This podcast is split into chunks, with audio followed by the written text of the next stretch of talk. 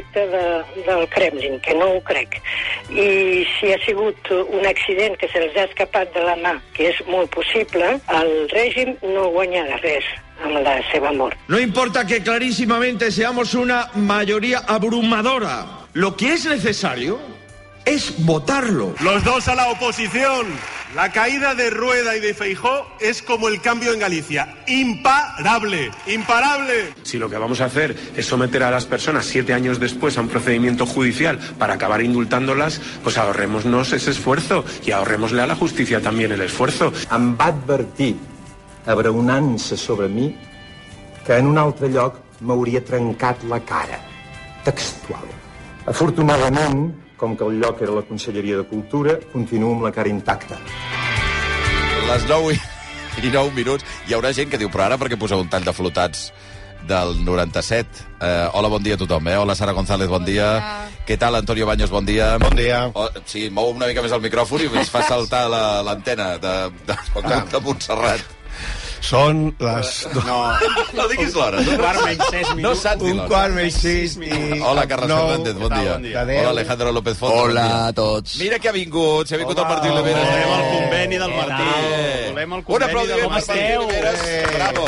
Gràcies, eh? Després de sis mesos de vacances... Si me'n- conveni del Martí. A, a veure si me'n recordo això de fer el temps, eh? Escolta, ja em disculpareu si m'equivoco, sovint no l'encerto. Però si t'equivoques No. sempre, I va, no passa va res. més, va més formalet. No passa res, Martí. Ja portes vas pentinat amb clenxa, Oh, ja sembles més de sade. Saps què ha passat? Aquest matí? creix. Ja no ets tan copaire com M'he girat i de cop portava ulleres i dic, hosti, Martí, t'has sentat fatal les vacances, eh? O sigui, ja no hi veu, o sigui, és una cosa tremenda, eh? No Ai, passa, passa res, jo sóc d'ulleres de tota la vida, però el Martí no... No, només en certs moments, eh? Ah. Per pantalles, per conduir la nit, allò que, que et poses les ulleres i dius, Sí. doncs no hi veiem tan bé, noi. Sí, sí, sí, com Saps? jo. Això l'altre dia em va passar. Bé, eh, abans de que... Pots, pots tornar a fer allò de ploure molt, molt, molt, i llavors a la costa un litre. Eh. Pots tornar-ho a fer. El que ha passat avui a no, Barcelona. Pakistan, Pots tornar-ho a fer. Fernández, que ets dolent. No, avui m'ho he trobat bé perquè la previsió eh, és fàcil, entre cometes, per aquest cap de setmana. Ara la fem, però Sí. eh, no, que hi ha gent que deu estar a casa pensant perquè hem posat un tall de flotats. El tall aquest històric del em va advertir. Sí. Te'n recordes tu, Banyos, o no? Del- del, del moment del Pujals, del conseller Pujals, que el, que el fan fora del TNC. Ah, sí? Fa la- Que fa aquella roda de premsa Ah, i la diu em va advertir, abraonant-se sobre mi, que en una altra ocasió m'hauria trencat la cara. Perdona, No? entre Dales, Eh? entre Dales i flotats, Sí. vam normalitzar molt el català. Home, abraonant-se... Hi havia barjaula Mar i meravellós. abraonant-se. Abraonant-se. I mica en mica vam anar aprenent. Sí, sí. Per la vagí. Avui... Sí, sí. Eh, Abraonant-se ningú deia, fins flotats. Sí, sí. Bueno, ningú O és deia, veritat, veritat. veritat o no? Ja existia, però... Sí, però ningú deia. No, però no hi ha hagut relleu. Barjaula ho dèiem a pagès. No hi ha hagut relleu. Però a- aquí baix ningú ho deia. Eh, avui flotats al Via Lliure. Vindrà flotats. Ah, xerrem una estoneta. A veure si li podem preguntar sobre la braonança. Molt bé. I és que avui venen dos Si ho genis... xerra tot, passaràs bé, eh? No ho sé si està en la situació ara de xerrar-ho tot i tal. Vull dir que... Vols dir que no, que no està ja de tornada? Sí, precisament perquè està de tornada, però em sembla que ja no té ganes de Ara parles del, del. Baños i del Fernández, no? No, no, Dos de- genis. Sí, sí, no, no volia dir això. Dic, flotats per una banda, i després també vindrà Ferran Adrià, eh, que és un altre dels grans referents a nivell global eh, des de Catalunya. Bé, però abans de tot això, eh, i de parlar de, de Rússia, que només va entrar per la porta em diu el Carles, però què, què ens esperàvem, no? És que és, que és, és, és tremendo perquè, perquè mm, diguem, ningú tenia... El, el segon 1, jo crec que el 99,9999% de la humanitat sabia qui era l'autor de la cosa. Mm. Però un autor de la cosa que és tan, diguem, tan... diguem, passa tan, tan, tan, tan, tan de tot, Tan impune. que el dia abans és capaç de deixar que aparegui amb, amb un estat de salut que tothom que el veu, doncs, a, a veure, altra cosa és la situació personal, que, que és evident que està, diguem, torturat i tancat en un lloc allà al mig de... El cercle polar àrtic. Eh, en, un, en un lloc... O sigui, això, a banda d'això, però que, que físicament és obvi que el món veu que aquella persona no està en una situació prèvia a la mort, mm. a l'endemà. Mm. És evident. I el llueix i el deixa lluir. Però el deixa lluir no només en aquesta situació, sinó que el deixa lluir quan baixa d'un avió i el fa detenir davant de les càmeres, i el, deixa, i el fa detenir en públic davant la, de les càmeres. La Carmen O sigui, Claudín deia aquesta nit del 9 que jo crec que era molt interessant, eh, una de les millors expertes en Rússia, deia eh, no hi haurà eh, conseqüències internes, perquè això que dèiem no hi haurà cap tipus de conseqüència interna, eh, i a més a més jo no descarto que pugui ser pues, un, un petit, eh, un petit error, però que una mica els és igual, I tant. que hi és i, i ja està, i no passa res. No? Però, O sigui, que no, no tenia per què ser premeditat que aquesta, a les pròximes hores... Sí, se'ls hi ha mort. No? Però, però, bueno, ara, ara en parlarem de tot això. Eh, però abans que el Martí Oli- Oliveres pugui fer la seva primera previsió del temps en els últims sis mesos... Oh, ja està, farà sol i calor. Com ja, està, Martí. eh. Ja està, Martí. No, ha plogut No, una, ja- una mica aquesta nit, no? Sí, ha plogut una mica, poc, insuficient, però bé, millor aquesta petita regada que hem tingut a les comarques de Girona i Barcelona, on ahir amb prou feines va acabar plovent, i sí que ho va fer a les comarques de l'Ebre, de Ponent, molt bona pluja, més de 20 litres per metre quadrat cap a la Ribera d'Ebre, el Segrià, també a la cara nord del Pirineu. De fet, ha estat una bona nevada per una estació com Boitaüll, també Baqueira Baret, ha anat nevant una mica. Per tant, bé, el Pirineu Oriental ha estat una enfarinada, res. Hem sumat doncs, alguns centímetres, però es veuen canvis a finals de la setmana que ve. De moment, ara, tant demà com també aquest dissabte, dilluns, dimarts, seran dies bàsicament amb sol, però també amb el pas d'alguns núvols prims, sense més conseqüències, per tant, un cap de setmana de contrast tèrmic, ambient fred de nit i matinada, més suavitat, fins i tot una mica de caloret al migdia, podem arribar als 22-23 graus, fins i tot demà potser 23 o 24, ambient càlid al migdia, amb sol i alguns núvols prims. Els núvols que tenim es van esqueixant, han deixat alguns ruixats aquesta nit, un cel més tapat ara fins a mig matí, però eh, es van trencant. Per tant, tranquil·litat, temperatures més altes i esperant aquest canvi que es veu la nit de dijous a divendres ja fa dies que es va insinuant i podria ser fins i tot una bona nevada i un retorn a l'hivern que des de que hem entrat doncs, aquesta dinàmica de moment temperatures baixes baixes fora del Pirineu no les estem no les estem Passa que a la zona d'emergència hi, ha com una, hi ha com una tanca, no? Eh, Sí. Que no passen. No Podria passa ser que divendres sí que fos una regada més general i que Girona i Barcelona es, es veiessin doncs, aquestes zones més beneficiades per aquest canvi de temps. Així com hem tingut ara Ponent i Ebre, a veure si ens toca després conques internes, que és la zona Mm. més, més delicada ara mateix. Aviam. Un quart de, de 10 del matí. Gràcies, Martí. Eh? A vosaltres, fins ara. Eh, eh, som acompanyats de la Sara González, de l'Antonio Baños, del Carles Fernández i de l'Alejandro López, eh, de l'Alejandro López Fonta. Doneu-me dos minuts i de seguida ens anem fins a Rússia per parlar amb l'Abel Gallardo, amb el nostre eh, corresponsal, i mm, posar una mica en situació quines conseqüències pot tenir, eh, quin impacte té sobre la societat russa, perquè hi ha hagut detencions aquesta nit, perquè ja, ja ha sortit gent al carrer, òbviament, eh, tot i que és molt difícil, i més a més després d'aquest impacte, eh, i mirarem de veure quin és l'escenari que queda després d'això. Un quart de deu, ara tornem. Via Lliure, amb Xavi Bundó. 9 i 19 minuts, eh, com deia, acompanyat de Sara González, d'Antonio Baños, de Carlos Fernández, d'Alejandro López Fonta. El Carles deia abans això d'aquesta aquesta idea que teníem tots la sensació, quan ja vam veure les imatges de, de Navalny arribant a Rússia, no?, després de, de, del seu aterratge des de, des de, des de Múnich, no, de, Ber, de Berlín, perdó, eh, hi havia la percepció... Bé, aquest senyor el detenen i ja veurem què passa amb ell, no? Eh, Baños, tu que has seguit l'actualitat també amb Rússia i amb, eh, i amb la guerra d'Ucraïna, què? Pseudo... És que, si tu... Em, em, jo he de reconèixer que, que les teories al voltant de com mor gent o que, quina implicació té un règim o no en una... són sempre difícils, perquè no tens la constatació. El que passa és que el, la, la, el currículum és tan llarg, és tan enorme, de que comences a, a repassar opositors que han mort en circumstàncies estranyes, amb tirotejos, o amb una finestra oberta, o amb un enverinament. Eh, avui la Vanguardia recorden Politovskaya, evidentment, Litvinenko, eh, Boris Nemtsov o l'últim eh, Prigozhin, no? Però si tu repasses, n'hi ha moltíssims més, no?, de, de persones que mm, eren incòmodes per Putin i que de cop han desaparegut A del més, mapa, no? explica com han mort. Eh, que sí. no està allà. Sí, sí, sí. Ha caigut pel balcó. Bueno, Sí, sí. el, el No tema allà. Poloni, clar, que Sí, sí, vam fer bromes i...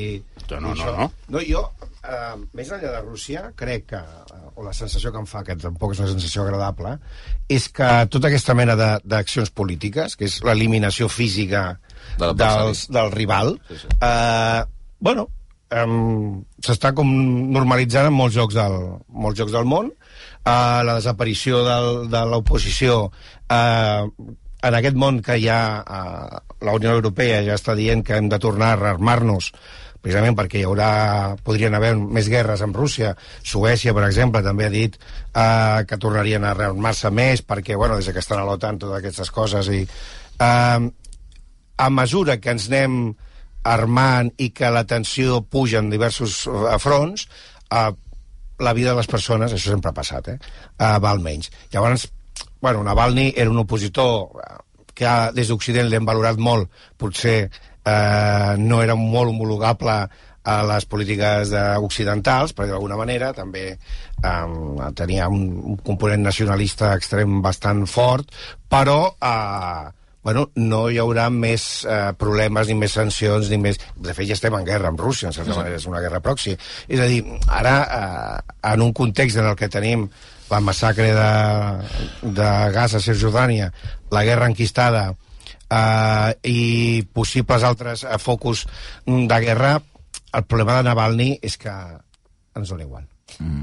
Sí, bueno, ens dona igual. A cridar l'atenció perquè té aquesta cosa, diguéssim, heroica, No es, pot, no, d'aquelles... no, no es pot anar més a la confrontació, per entendre'ns. Vull no dir es pot que ja, ja estem en guerra amb, amb Rússia. Dic, bueno, llavors té aquesta cosa de... Uh, ella estava a Berlín i voluntàriament es presenta i s'immola, perquè no crec, crec que era la, Lara que deia, no? s'immola el Navalny. En fi, uh, té aquesta cosa que periodísticament i, i fins i tot narrativament ens fa gràcia però... Conseqüències, no? Zero. 9 i 22. Eh, Ara de seguida us passo la pilota a la, a la Sara i al, eh, i al Carles també, i a l'Alejandro, eh, però abans deixeu un saludar al corresponsal de, de rac a, a Moscou, que és l'Abel Gallardo. Hola, Abel, eh, bon dia. Hola, bon dia. Bé, és una, una hora més, no, Moscou, que aquí? Dues hores, Ah, dues. dues hores. Dues. Eh, clar, aquesta nit passada hi ha hagut algunes protestes, algunes manifestacions. No sé si la xifra de detinguts es coneix ja de, de forma definitiva, perquè, perquè òbviament, s'han produït protestes a molts llocs del món, eh? però eh, les més significatives des d'un punt de vista periodístic són les que es produeixen dins de la pròpia Rússia. Sí, tenia la xifra per aquí, ara, ara mira, precisament ara l'he perdut, però es comptava per desenes, cap a un centenar. uh, on hi ha hagut més, més detinguts és uh, a Sant Petersburg, amb més de 60 arrestats, i després a Moscou, amb 11. Això ho comptava diguéssim, la, aquestes entitats eh, eh, eh, opositores al, al govern doncs, que han estat fent aquest treball de, de recompte d'arrestats arreu del país. Mm -hmm. uh, la oposició a Rússia es queda sense el seu principal valedor, d'alguna manera. Recordem, oi, que no, no, no vull oblidar-me de la data exacta, però crec que queda un mes per les eleccions presidencials, no? Efectivament, efectivament. L'oposició queda molt tocada, no només per aquestes eleccions, que de fet el Navalny no s'hi anava a presentar, sinó Mhm. doncs, doncs per, per, per tot plegat, no? Ahir precisament parlant, parlant amb persones que anaven a posar flors al, al, al monument que hi ha a la plaça Libranca, doncs, doncs comentaven això, doncs aquest, aquest, aquest sentiment de desesperança eh, um, perquè bé, ja estava prou malament la situació per a l'oposició, per a les persones que volen canvis en aquest país, ara doncs sembla que es complica molt, molt més. Eh, D'aquí un mes, com deies, hi ha eleccions, Navalny no s'hi presentava, però sí que ho estaven intentant polítics, persones doncs, que, que, que estan en contra de la guerra a Ucraïna, Um, finalment els han dit doncs, que, que, que no poden, no? han, el comitè electoral doncs, han dit que no poden presentar-se a les eleccions. Són persones doncs, això que estan sonant els seus noms en aquests moments, però que difícilment podran substituir a Navalny perquè tenia un, un carisma, una trajectòria també tenia, eh, bueno, eh, eh, eh, la, com dir-ho això, la, la predisposició o les o fer coses que altres persones no s'atrevien, no? com aquests documentals que han sortit al voltant seu. Mm. Una valentia, diguem-ne, Una no? persona, sí, difícilment una persona, doncs, doncs, en aquests moments que corren a més, pugui arribar a fer les coses que ha arribat a, a fer Navalny. Mm. però bé, Des, de, clar, des d'aquest eh, punt de vista, molt difícil construir una... eh, o vestir després d'això una, una oposició. Em permets un segon, eh, Abel, eh, que tenim en línia un altre Abel, en aquest cas l'Abel Riu, que és politòleg, expert en Rússia, cofundador de Catalunya Global i que coneix molt bé també la, que l'hem trucat una pila de cops per, per Ucraïna. Hola, Abel eh, Riu, bon dia. A veure, tenim aquí? Tenim en línia o no l'Abel Riu? Sí? Hola, Abel... No, ara el mirem de, el mirem de recuperar. No, eh, anava a dir-te, Gallardo, que, que des d'un punt de vista... Que entenc que, que això per mi no deixa de ser curiós que avui s'analitzi més les conseqüències des del punt de vista de, de com queda el país a nivell d'oposició més que els motius que fan que, que els motius de la mort de Navalny, no? El, el, hi ha una mena de sentiment generalitzat que no ha estat Putin en persona, però d'alguna manera ha estat el govern, el govern rus, no? Um, això, des d'aquest punt de vista, uh, Abel, hi ha hagut alguna explicació oficial del Kremlin de la mort de Navalny?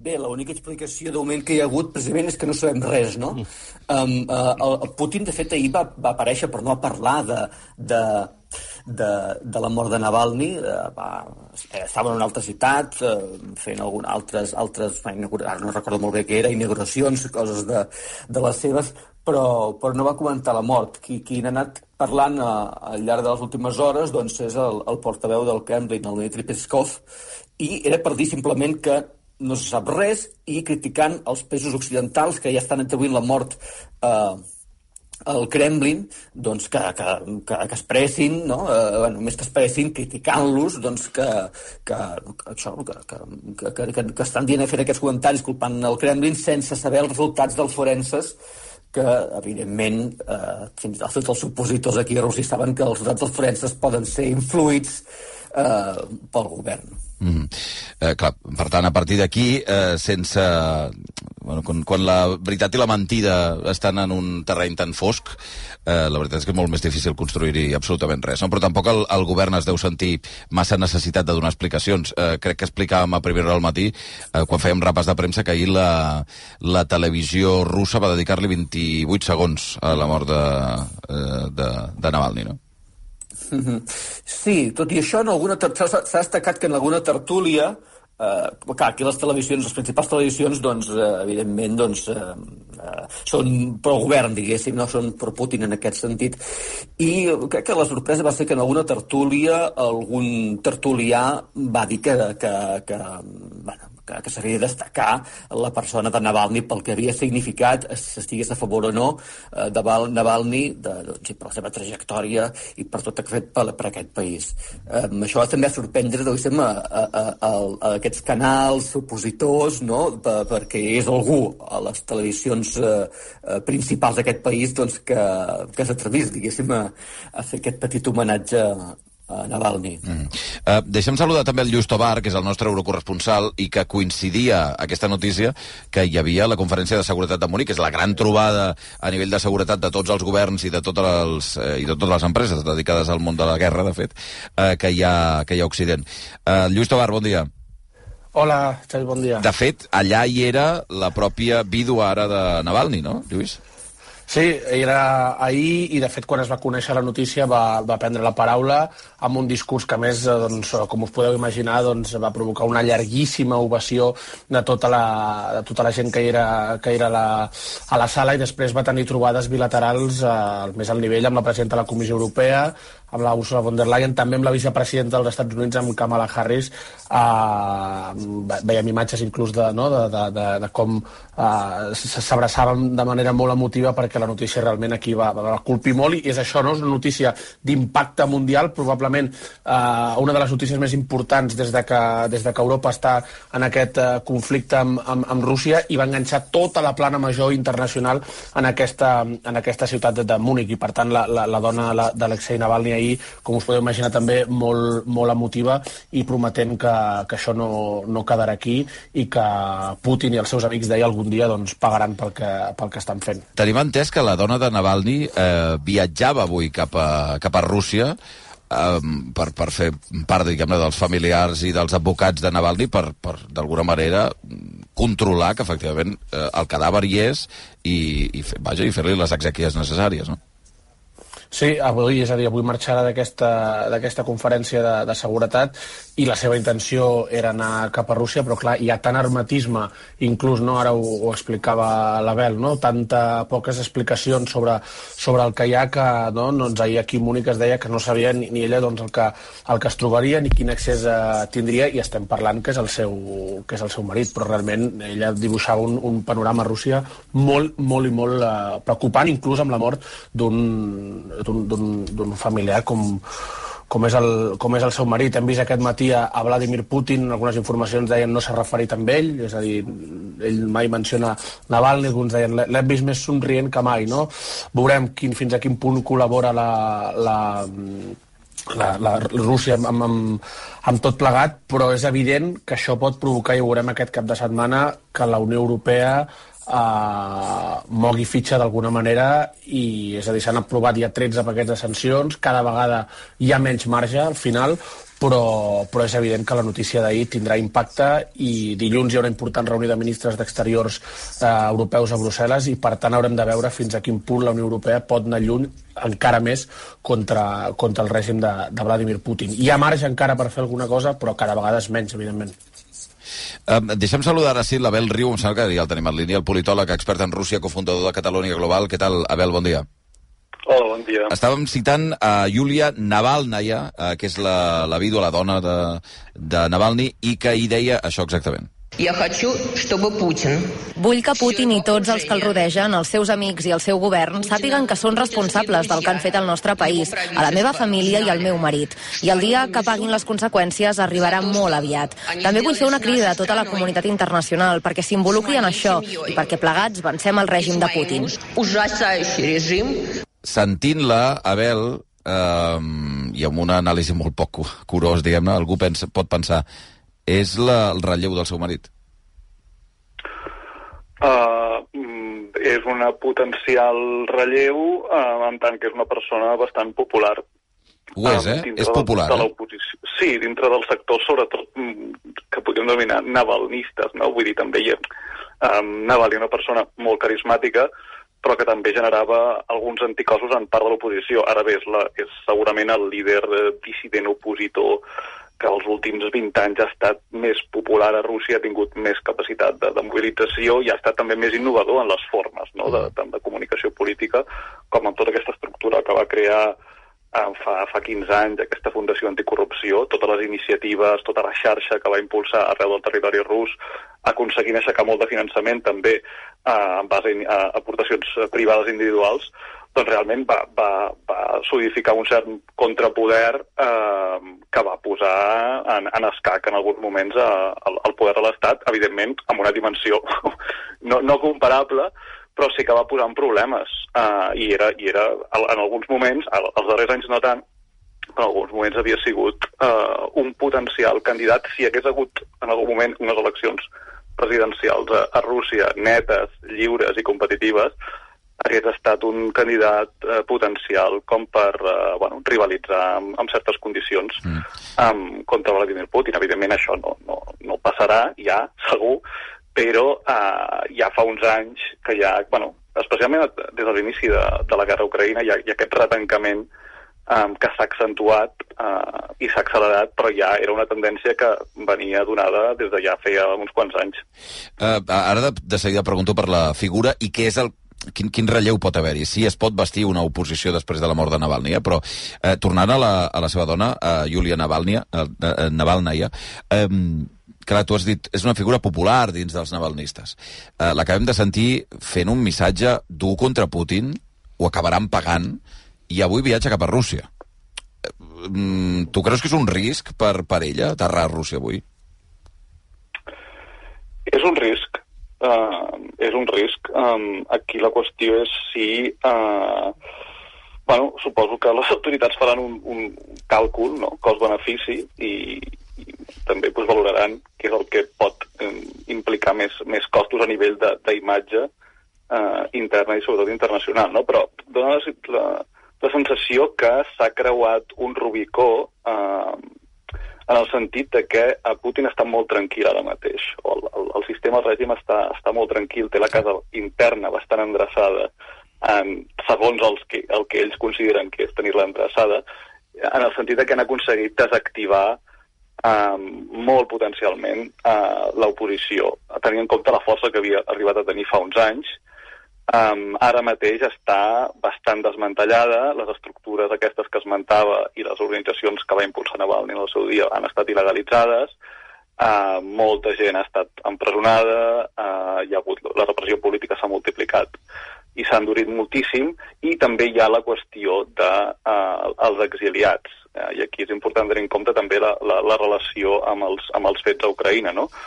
Uh, aquest tancament que hi ha hagut els darrers anys i que s'ha accelerat des de fa dos anys, des de l'inici de la guerra a Ucraïna, um, que també una mica per, per prevenir que, que hi hagués més protestes contra la guerra, eh, perquè s'ha de recordar que al febrer i març i principis d'abril de, del 2022 va haver-hi mobilitzacions importants arreu de Rússia contra la guerra, això va propiciar un enduriment del Codi Penal, un enduriment de les mesures repressives, es va estendre una por encara més generalitzada eh, i això va propiciar una onada molt important d'exili, sobretot de gent jove, de gent, podríem dir, sociològicament navalnista, eh, és a dir, el seu públic potencial eh, i real, i bona part de la gent que havia participat en, en les seves xarxes i en les seves iniciatives doncs, va marxar a, a altres països. I ara mateix estan exiliats doncs, a països com Armènia, com Geòrgia, eh, a Turquia, el Kazakhstan, alguns a l'Europa occidental.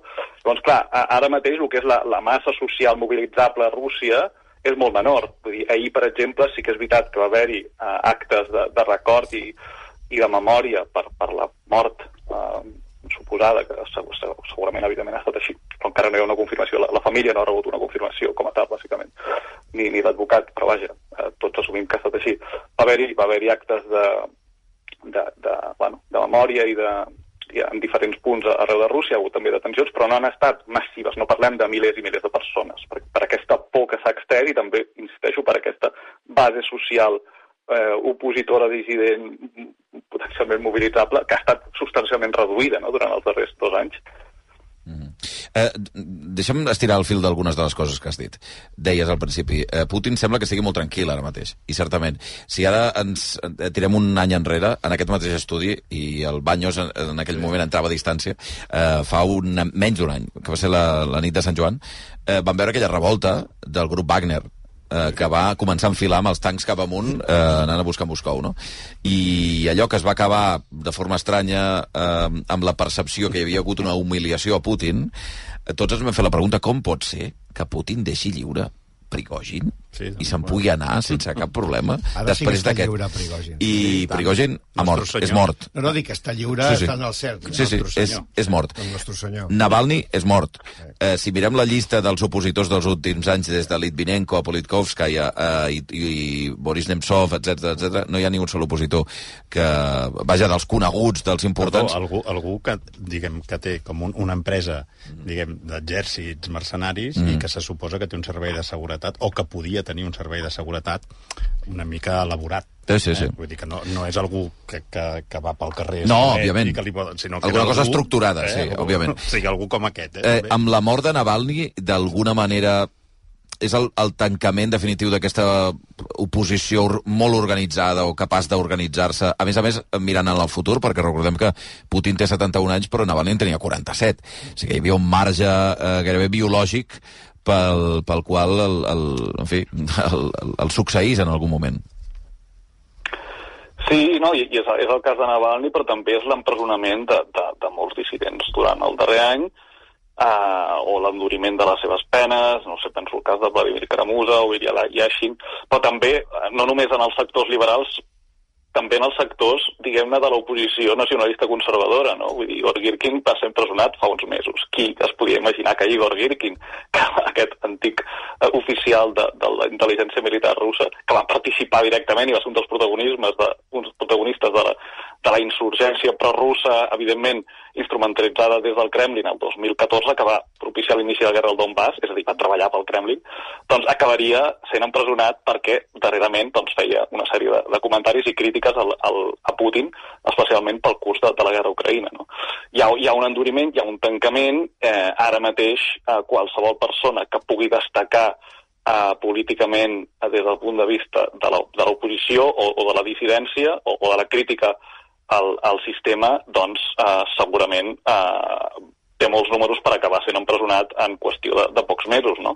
Però clar, hi ha, hi ha la dimensió també electoral i abans s'ha mencionat no? que, que és, és un fet que hi ha eleccions russes presidencials d'aquí un mes uh, les possibilitats de que uh, hi hagués algun candidat realment opositor uh, bueno, s'han esvaït, no? Hi, hi havia un, un parell de candidatures. Primer va sorgir la figura de Yekaterina Donsova, uh, que no se, la va, no se li va permetre ni tan sols registrar-se uh, per la primera fase de uh, col·lecció de, recol·lecció de signatures per presentar candidatura.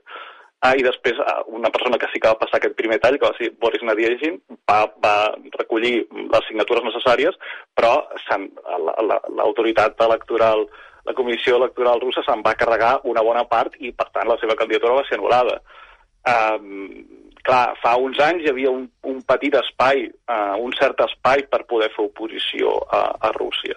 Uh, també des de dintre de les institucions. Molt, molt limitat, però hi havia aquesta aparença. No? Inclús el mateix Navalny, el 2013, va ser candidat a les eleccions municipals a, a Moscou i, i es va aixecar gairebé un 30% dels vots. No? Evidentment, i això no va tornar a passar mai més. Vull dir, aquí el Kremlin va prendre la decisió de dir aquest, aquesta persona no es torna a presentar mai més a les eleccions i li comencem a obrir causes penals. No? I en general, o sigui, també és quan comença aquest, aquest retancament de, del, del sistema, no? a partir del, del 12-13, i això es va endurint, i especialment els darrers dos tres anys, doncs, de forma cada cop més dramàtica. No? Però és, és difícil d'imaginar ara mateix eh, cap persona que pugui liderar una, una articulació d'una oposició russa renovada i encara més mentre, mentre duri la, la guerra a Ucraïna i la, i la situació d'excepcionalitat Per cert- gairebé permanent que, que viu el país. Parlant d'Ucraïna, eh, dèiem que, que Munic és el centre del món ara mateix en qüestions de seguretat. Està compareixent a aquesta hora el president eh, ucraïnès, Volodymyr Zelensky, des de Munic. El, el podem sentir en directe? And I'm grateful for the security agreement with Germany that we signed it with Olaf in Berlin a day before, and we signed a security agreement between Ukraine and France. Està parlant dels acords de seguretat amb eh, Berlín, amb Alemanya, etc. perquè a més a més aquesta nit hi ha hagut notícia, Bel, eh, que és gairebé, no sé si mm, és confirmació de, de la captura per part de l'exèrcit rus d'una ciutat clau a Ucraïna. Avdivka. Avdivka. Mm, bé, bé, clau, eh, estratègicament mm, no és que sigui una, una ciutat o una, una ubicació clau, però sí que té... Passa una mica com, com, amb, com amb Bakhmut fa, fa un any, no sé si sup- suposo que recordareu. Um, a, a manca de victòries importants en el pla estratègic, doncs eh, cada captura de- de- d'un municipi més o menys que, que tingui Rellevant. més de 10.000, 20.000 habitants ja és una victòria que, que, que, que les autoritats russes projecten com a política i simbòlica, no? Igual que passava amb Bakhmut, que al final no ho van aconseguir, no van aconseguir capturar-la abans del primer aniversari de, de la guerra, doncs ara em dóna la sensació que estan intentant posar tota la carn a la graella per poder celebrar o commemorar el segon aniversari eh, amb aquest botí, no? amb aquesta ciutat que té uns 30.000 habitants, una ciutat de, de províncies eh, industrial a uns 20 quilòmetres al nord de, de Donetsk. Um, estratègicament no és molt rellevant, sí que és veritat que dintre del front era significar com un entrant de, de, de les posicions ucraïneses que permetia uh, bombardejar uh, ubicacions uh, logístiques a la pròpia ciutat de Donetsk, però més enllà d'això no, no era cap nus de comunicacions ni logístic ni res, per tant és més que res una, una, un tanto polític i simbòlic que, que, el, que el Kremlin es, es vol apuntar. Ara bé, els ucraïnesos, conscients d'això, també estan eh, intentant defensar-la fins a les últimes conseqüències, amb moltes dificultats, i, i sembla que tenen una bossa important de soldats allà, que estan allà atrapats ara mateix. Uh, tancaré línies amb, amb Munic perquè el Lluís pugui fer la seva feina també, perquè eh, efectivament estan compareixent. Uh, Lluís, hi ha, uh, el Tobar, hi ha molta... Hi ha, hi ha molta, mal, molts grans noms avui compareixent, no entenc, a la, a la conferència de seguretat de Munic. Sí, ara ja està compareixent el, el president Volodymyr Zelensky fent una apel·lació, ha dit una frase que deia eh, el 2024 demana una resposta d'Europa perquè si no ho fem ara Putin convertirà els propers anys en, en catastròfics, una mica la sensació no, que hi ha aquests dies parlant amb, amb gent de, de, de, tant de la Unió Europea com de l'OTAN, que hi ha una, una mica d'estancament en el conflicte i Putin demanant que aquesta ajuda no, no, no defalleixi. Després eh, compareixerà el secretari general de l'OTAN, Jens Stoltenberg, amb una taula rodona amb la primera ministra d'Estònia, Kaja Kallas, que justament aquesta setmana ha estat notícia perquè se la Rússia la va declarar a persona en recerca i, i captura aquesta setmana. I després, a un quart de dotze, serà el torn de, de la presidenta de la Comissió Europea, d'Ursula von der Leyen, i a, les, uh, i a un quart d'una, el secretari d'Estat uh, nord-americà, Anthony Blinken. Per tant, sí, sí, dia fort aquí a Munic. Gràcies, Lluís. Fins ara. Fins ara. Lluís Tobar, l'eurocorresponsal que tenim a Munic, on estan passant les coses, efectivament. Un petit recordatori Sí. és que Ursula von der Leyen era ministra de Defensa. Mm -hmm. És a Mhm. dir, que ja ve amb molts bons contactes Sí, sí. i amb molta... Fi. Uh, tant la Sara com el, uh, com a l'Alejandro no, encara no els he sentit. Si vols fer algun comentari, Sara, o li vols preguntar alguna cosa també a l'Abel Riu, uh, podem fer-ho. Mira, justament anava a fer un, un, un comentari i els hi, els hi demano una reflexió, no? perquè veient tot aquest historial que ja té Putin a les seves esquenes, et preguntes com pot ser que fins eh, fa... O, o no, que fins fa no, que fins fa pocs anys realment, o fa 10 anys, 12 anys, els líders europeus tinguessin una relació completament normalitzada amb, amb Putin, cosa que em sembla d'una hipocresia eh, espectacular, no? I, i voldria preguntar-los per això, no? Per aquesta sensació d'impunitat malgrat aquest historial que té a les seves esquenes d'eliminació dels seus opositors, eliminació literal, sigui per exili o sigui per morts en estranyes circumstàncies, per dir-ho d'una manera suau. Abel Riu. Uh, clar, aquí... Uh, Diplomàcia, no? Aquí, aquí, hi ha una, aquí hi ha una qüestió mm, profunda i important, que és quin tipus de relació hauria de tenir o voldria tenir la Unió Europea i els països europeus amb, amb els sàtrapes del món, no? I si és possible o, i desitjable um, aplicar un, un únic criteri, almenys segons el seu punt de vista, perquè... I de, Perdona, perdona, de, i, i Abel... Amb els que tenen bona relació... Digues, Sí, digues. no, i que anava a dir que el Banyos ha deixat caure un comentari abans que, que a vegades eh, tot és molt més complex, eh? però la mirada que tenim europea sobre els líders que van, diguem-ne, entre cometes, des de Viena, des de Viena cap a, cap a Xangai, eh, a vegades no, no acabem d'entendre ben bé, eh? però quan estem parlant de Navalny i ara eh, la, la idea que s'ha convertit en un màrtir de Putin, eh, deia el Banyos d'una forma molt Elegant. molt, molt elegant, eh, que no seria tampoc un líder, diguem-ne, homologable a Occident, eh, el propi Navalny, eh? Sí, bueno, Navalny uh, té un historial interessant. Uh, que passa els Com Zelensky, anys- no? També, vull dir... Els, els, els, dar els darrers anys uh, havia deixat una mica de banda les seves pulsions més nacionalistes, inclús, no m'atreviria a dir, doncs, racistes. Mm. Uh, ell havia sigut participant actiu de... A Rússia se li denomina les, les marxes russes, el 4 de novembre, que són manifestacions ultranacionalistes i, bueno, allà el tipus de càntics i de lemes que es proclamen, doncs ja us podeu imaginar quins són, no? I ell durant uns quants anys havia participat. Um, I en el seu moment també ell va ser favorable uh, i va recolzar l'annexió russa de Crimea.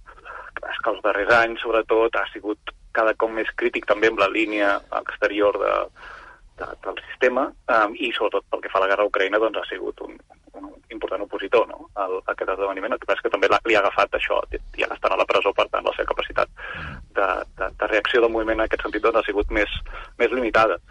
Um, però aquí hi ha una qüestió interessant um, que és uh, la vinculació que hi ha amb, amb el que està passant a Ucraïna. I, I realment el timing no és el millor pel Kremlin en aquest sentit. Uh, les coses ara mateix uh, i les perspectives són bastant favorables pels interessos de Rússia en el teatre bèl·lic ucraïnès. La, la correlació de forces és cada cop més favorable a Rússia, almenys en el curt i una mica en el mig termini, um, i perquè està en entredit la continuïtat del, del suport militar, sobretot dels Estats Units, no?, a, a Ucraïna. Um, I segueix havent-hi un paquet d'ajuda de 60.000 milions de, de dòlars um, aturat a, a les cambres de representants nord-americanes, crec que està el, el, el tall del Senat ja l'ha passat, ara estava pendent de l'aprovació del Congrés, però en tot cas hi ha un bloqueig per part d'una part important dels republicans. I aquí Trump està apretant molt fort per, per bloquejar-ho, això. Mm. Tant ut- utilitzant un clau de, de, de política interna preelectoral i en aquesta dinàmica competitiva per, per erosionar Biden i erosionar els, els, els, els demòcrates, no? Mm. Llavors, clar, això... Um, el que ha passat, um, i, i la mort, segurament, amb l'assassinat de, de, de Navalny, li dona un cop de mà a Zelensky en aquest sentit. Uh, I més en un context com l'actual, en aquests dies que està produint la conferència sobre de Múnich, on tens tot l'establishment uh, occidental en, en, en defensa i política exterior reunit allà, no? I Zelensky allà mateix, uh, opositors russos, la, la dona del mateix Navalny, um, això és un, és un cop de mà per, per Zelensky, per la seva aspiració uh, o per, d'alguna manera, tenir encara més raons o més motius o, o, o tenir més arguments per, per aconseguir aquesta continuïtat d'aquesta ajuda militar. Llavors, bueno, no sé fins a quin punt uh, aquí a la qüestió dels timings també tenia en compte que d'aquí un mes justament, eh, com dèiem abans, hi ha les eleccions a Rússia, doncs això s'ho han pensat bé o no sé quins càlculs s'han fet aquí, però realment és una miqueta estrany que, que hagi passat justament ara. Abel Riu, com sempre un plaer, moltíssimes gràcies per, per l'anàlisi. A vosaltres. Una abraçada, que vagi molt bé. I Abel Gallardo, des de Moscou també tanquem línies amb tu, eh, amb l'expectativa de veure què passa amb l'arribada, efectivament, de la, de la vídua ara de Navalny eh, a Rússia i el que pugui passar al llarg del dia d'avui, si hi ha algun tipus de, de protesta més. Eh, que sapiguem que a aquesta hora no hi ha novetats, oi que no? No, l'única novetat en aquest matí és que han retirat totes les flors als llocs d'homenatge a Navalny. déu nhi Sí, ja no hi ha ni espai per, la, per al record de Navalny, efectivament, a, a Moscou. Gràcies, Abel. Una abraçada, que vagi molt bé. Gràcies. 9 minuts i arribarem a les 10 del matí. Volies fer algun comentari, Alejandro? Bueno, el, el primer problema és que donem per assumit les coses que passen a Rússia, no? O sigui, ja ens... Bueno, sí, l'han matat, no? O sigui, ha mort, el- l'han matat. Eh, I això ens oblidem eh, d'aquí 15 dies, com ha dit la- l'Antonio, no? És el que passa amb la guerra d'Ucraïna. La guerra d'Ucraïna porten dos anys i com si no passarà nada. Ja no mola. No, no, ja, no, ja, pf, bueno, pues sí, a a Ucraïna, que és Europa, que és Europa, eh, que és democràcia i és Europa, bueno, pues, ja, pues, bueno, pues, bueno, ja s'ho faran, no? Que aquests, no, clar, no li podran posar missils a la, a la vora de la frontera, a, no, ja té una mica de raó aquest senyor Putin, que no li posin els missils aquí a Ucrània. Doncs llavors, si aquest discurs és el que ha fet des d'Europa, doncs no ens estranyem. Que- No ens estranyem que, que, que el senyor Putin... Es... I després hi ha, hi ha un altre tema, que és que Europa ha de, ha de tenir una autonomia, el que es diu una autonomia estratègica, que és de, de defensa, d'energia i d'aliments. I si tenim, si hem tingut un expresident o primer govern d'Alemanya, conseller de Gazprom, ja ho, ja ho hem dit tot. No, no, no. Sí. Ja ho hem dit tot. És que uh, jo crec que la, la defensa de la llibertat se'ns està anant de pressupost. Vull dir, per dir-ho d'alguna manera. perquè... Eh, vist, Banyoles. No, no, perquè, és que clar, Estats Units, que és qui paga la llibertat, per dir-ho d'alguna... Dic llibertat en el sentit... Sí, sí, eh? ja s'entén. Bueno, però no, no, sí, dic però és Estats així. Units... No, no, jo que sí, És no que- dient, no, no, però que és el, el qui paga, doncs ara, vull dir, la guerra d'Ucraïna i està costant més de la que es podia preveure, té a Gaza també un cost elevat, de, elevat social i econòmic i ha d'estar vigilant els moviments de Xina a Taiwan, Ah, clar. a armant a Japó, armant a Filipines, en fi, tot això. És a dir, comença a ser ja eh, un problema que si guanya Trump, per exemple, o un aïllacionista qualsevol que digui aquí ja no hi ha més duros, ja us pagareu vosaltres, el problema serà Europa, perquè Europa Totalment d'acord. s'haurà... Eh, bueno, eh, la frase aquella de, de Trump d'aquesta setmana... Que no paguin, de, ja. Aquí no pagui l'OTAN que la invadeixin els russos, és que, clar, Europa està al mig, i tens tota la raó tu, que ens, ens hem adonat que, en fi, depeníem de Rússia, depenim del sud, depenem de, del menjar de no sé què, què? No, res, res, Banyos. No, no, que sí, que sí. No, no, no, Ah, ah, que no va per que- tu. Ah, val, no expliquis les coses que fem a la ràdio. No altre- pensava que per un altre estaria- motiu. Bueno, ja està. Per Una, una vegada que m'estàs donant la raó, continua, mi, per continua. Mi el, més, el més frustrant és el que explicava l'Abel Riu, no? que ha arribat un punt en què Putin ha creuat el Rubicó, que està tranquil, i és que, per tant, qualsevol cosa, fins i tot eh, la mort de Navalny, que es pugui traduir en una major pressió de la Unió Europea, que tampoc sabem quin és ja el major grau de pressió, que, Putin? Que, que poden Quina haver, pressió és que li fa pessigolles. Bueno, ja- jo- una- és, és aquesta és la qüestió. Que Va això- clar, per això havia- dic que el més frustrant és que li sigui igual i que sembli que no hi hagi res a fora, ni a la interna ni a l'externa, perquè, evidentment, Navalny i tot l'historial que té darrere, no? des de Politkovskaya a, a Litvinenko, és, és, dissuasori. És dissuasori més- perquè qualsevol prengui la ja decisió va de presentar-se ja com a això opositor de del- Putin en unes eleccions d'aquí ja un mes. No? I, i, o sigui, uh, sense, vaja, anys llum de l'expertesa en Rússia, però una cosa és Sant Petersburg i Moscou, Sí, i no, l'altra va. és la resta.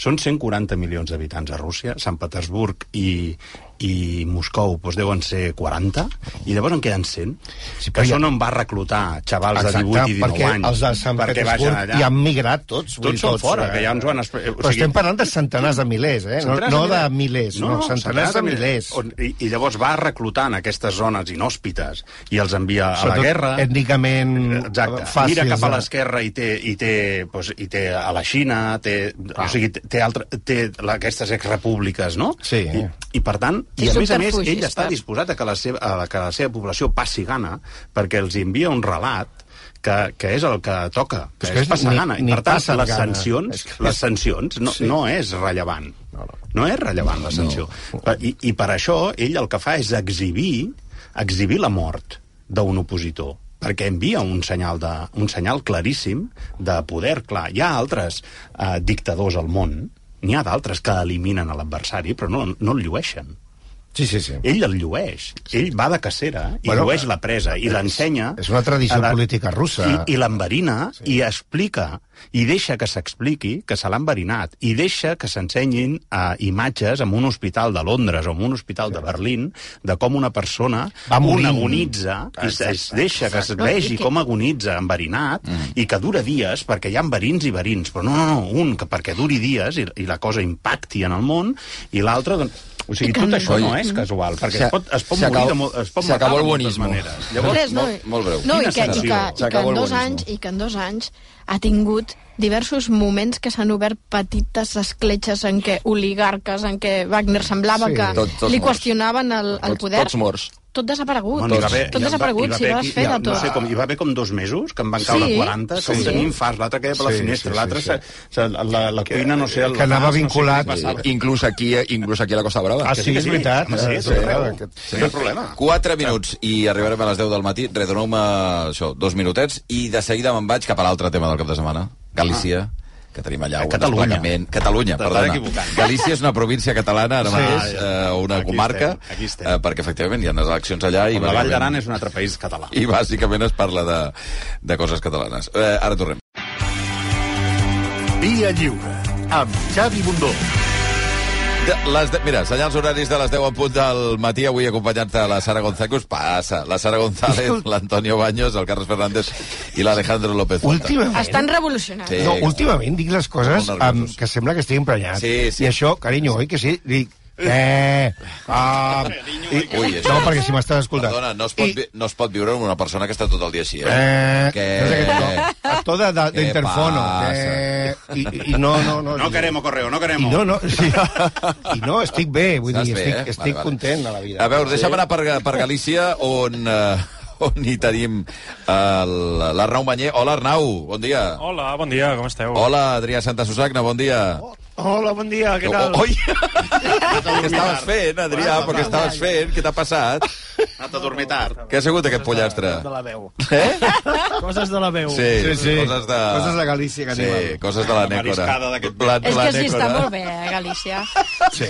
Sí, sí, aquí tothom diu les mariscades que us esteu fotent Sí. i tot això, i, i hem de, arribem a quarts de 12 o d'una de l'hotel demanant, eh, si us plau, que ens guardin alguna de sopar, un sanguis, exacte, un sangus, i, i, i de marís poc. A més que sóc al·lèrgic, jo, personalment, al Ah, marís. ostres. Per tu que tinc, a Galícia. Això és una mala jugada. Si se t'ha vist, si se t'ha vist, Adrià, hi ha gent que t'ha vist. Sí, Bueno, escolta, com, com tenim les coses? Esteu, esteu junts? Esteu els dos a, Santiago estem, o no? al, estem al mateix hotel, al mate, Val. al mateix, a la mateixa ciutat, però a diferents habitacions, i llavors estem entrant Home. per separat. Això espero. Eh, sobre, sobre el que ve per davant, eh, des del vostre punt de vista, amb el que us ha anat arribant i el que heu anat notant els últims dies de campanya, Arnau, eh, hi ha realment la impressió que les coses estan tan, tan, tan a prop eh, com perquè hi pugui haver-hi un, un salt de, de govern? A veure, hi ha un rum-rum que sí que fa pensar que hi podria haver un canvi. El que passa és que la sensació que tenim, eh, com a mínim jo, és que a les dues bandes, els dos blocs, els ha anat bé que s'alimentés aquest relat. Per què? Perquè d'entrada al PP ja li va bé eh, que es vagi dient que no tenen la majoria assegurada perquè els seus potencials votants s'activaran més de cara a demà i a l'esquerra, el BNG i els socialistes en particular, ja els hi va bé dir que estan a tocar d'aquesta majoria absoluta, a tocar de poder sumar i, per tant, canviar el govern de la Junta perquè tots els seus potencials votants també es mobilitzin i diguin, ei, que això està a tocar. Per tant, la sensació una mica és que potser tot està igual, mm, o una mica similar, però que als dos costats els hi va bé el relat aquest de hi haurà que, canvi. És que els que hem vist eh, moltes ja, i vosaltres també, eh, moltes eleccions, sol ser un fenomen que a l'última setmana es diu està tot molt més igualat del que semblava, no? Perquè, efectivament, potser les enquestes ho diuen, però efectivament també tots els partits els interessa que la cosa estigui igualada, perquè si mobilitzes tant l'electorat dient mm, compte que igual ens, ens foten el un govern, clàssic, com clàssic, els que diuen ho tenim a prop, eh? Eh, Vull dir que llavors mm, hi ha una mena de convergència cap a, la, cap a, les, cap a la una, cap a una sèrie d'enquestes que ho, ho que igualen tot una mica. por- Digues, perdona, un moment, Sí. Arnau, digues. No, i que de fet ahir parlàvem amb responsables del, del Partit Popular, sí que Sí. evidentment et poden enganyar, això vagi per davant. Però... No pas, no pas, no sé per què dius això. Parlàvem amb, Per no el, per ser el amb els no- responsables... és de... gente seria i de No, però no, per ser del PP, per, per qualsevol cap de premsa de qualsevol partit. Com tots els partits guanyar, evidentment. Gent, gent de la direcció del Partit Popular, com gent de qualsevol altra direcció de, de qualsevol partit. Ens deien en aquest cas, des del PP, res. que ells mouen, mouen fer unes enquestes, cap uns Prou, interns. que estàs inter No interrompent la- aportació de l'Arnau. valor. Un moment. Cap aportació El Un moment. Order. Cállese. Per favor. Digues, el que, anomenem els tràquings interns, Sí. ells ara els situen entre els 38, 39, 40, fins i tot Ah. diputats en algun cas. Què passa? Insistim, des del PP i des de qualsevol altre partit ens poden enganyar, però sí que coincideixen, parlis amb un o parlis amb els altres, que totes les dades que han tingut han estat estables des del principi de la campanya, fins i tot amb les relliscades constants del Partit Popular aquests últims dies. Um, de fet, ens admetien, mm, gent important dins del PP, que, que estan convençuts que la primera setmana va ser un error uh, atacar constantment l'independentisme a Catalunya, el missatge aquest de, um, de política estatal. Uh, si ens hi fixem els últims dies, han deixat de parlar directament d'amnistia i indul- i indults, pràcticament deixar de parlar d'amnistia i indults, i s'han centrat molt més, fins i tot Feijó, a parlar de Galícia. de Galícia. Però tot i ahir va, eh, va haver-hi algun, i ens ho deies també la crònica, Sí. el tancament de campanya i a referència al català i les escoles i, de, i tot, sí, no? sí. De fet, en els últims dies s'ha deixat de criticar, diguem-ne, obertament a Pedro Sánchez i l'independentisme i la política madrilenya, per entendre'ns, i el que s'ha fet és carregar contra el BNG, perquè al final Clar. no deixa de ser el rival a, el rival a, ba- a batre, ja ho diré bé. Mm. Um, què passa? Que en aquest atac al BNG per ells, el nacionalisme, um, i posen al mateix sac l'independentisme, els catalans, els bascos, i què fan? Per exemple, ahir a la nit um, criticaven la immersió lingüística, criticaven el català a les aules de, de Catalunya. Deien que ells parlen d'aquest bilingüisme cordial que segons ells a Galícia ha funcionat i que s'hauria d'implementar a la resta de l'Estat, especialment, deia Feijó, Catalunya i País Basc. És la, el clàssic eh, utilitzar la mà d'un altre per clavar-li una cleca Sí, a un, no? O sigui, agafes la mà de l'independentisme i li fas una cleca al BNG, no? Eh, Adrià, tu vas ser-hi eh, al final de campanya també, eh, en aquest cas del, dels partits de les esquerres, què vas veure? Doncs mira, eh, jo enllaçant amb el que deia l'Arnau, jo fins ahir a la tarda jo veia totalment impossible eh, que el PP perdés la majoria absoluta. Mm. -hmm però totalment impossible. Després del que vaig veure ahir a la, al vespre, sobretot al míting del, del BNG, començo a tenir la sensació que potser sí que hi ha joc eh, demà a la tarda. Bàsicament, perquè sou una idea, el PSOE eh, i el BNG tancaven a 500 metres un de l'altre, el míting del PSOE era un pavelló que potser hi havia unes 1.200 persones, és a dir, un míting gran dels que estem acostumats avui dia, perquè mm, els partits no tenen una capacitat de mobilització, o almenys a Catalunya ho estem veient en totes les últimes eleccions, i mira que n'hi ha hagut eh, moltes, no aconsegueixen fer aquells Palau Sant Jordi grans que feien a vegades doncs, a, a, els partits grossos com aleshores Convergència i Unió o quan Junts pel Sí eh, van fer aquella gran campanya que van omplir Maria Cristina. Sí. Aquests mm, tipus de mítings eh, eh, han quedat a una altra part de la història, diguéssim, ja no es veuen. Ara eh, es fan mítings de 300-400 persones i el central o el de final, doncs aquestes 1.000-1.200 persones que són les que va fer Pedro Sánchez ahir al PSOE. En canvi, el BNG, que va omplir el Fontes d'Ossar, que és el, el, el pavelló més gran i, i més famós d'aquí de Santiago de Compostela, eh, potser hi havia entre 3.000 i 4.000 persones. Vull dir, jo feia molt Déu temps que no veia un míting tan ple i amb tantes persones eh, tan polititzades. Eh, I això em va fer pensar per una banda, la capacitat de mobilització que té el BNG, perquè de fet en els últims mesos ha aconseguit aglutinar moltes eh, persones i moltes ideologies polítiques al seu entorn, per una banda perquè és l'única força, diguéssim, que no té eh, una corresponsalia a Madrid, per dir-ho d'alguna mm. manera, no depèn de, de, de cap altre partit.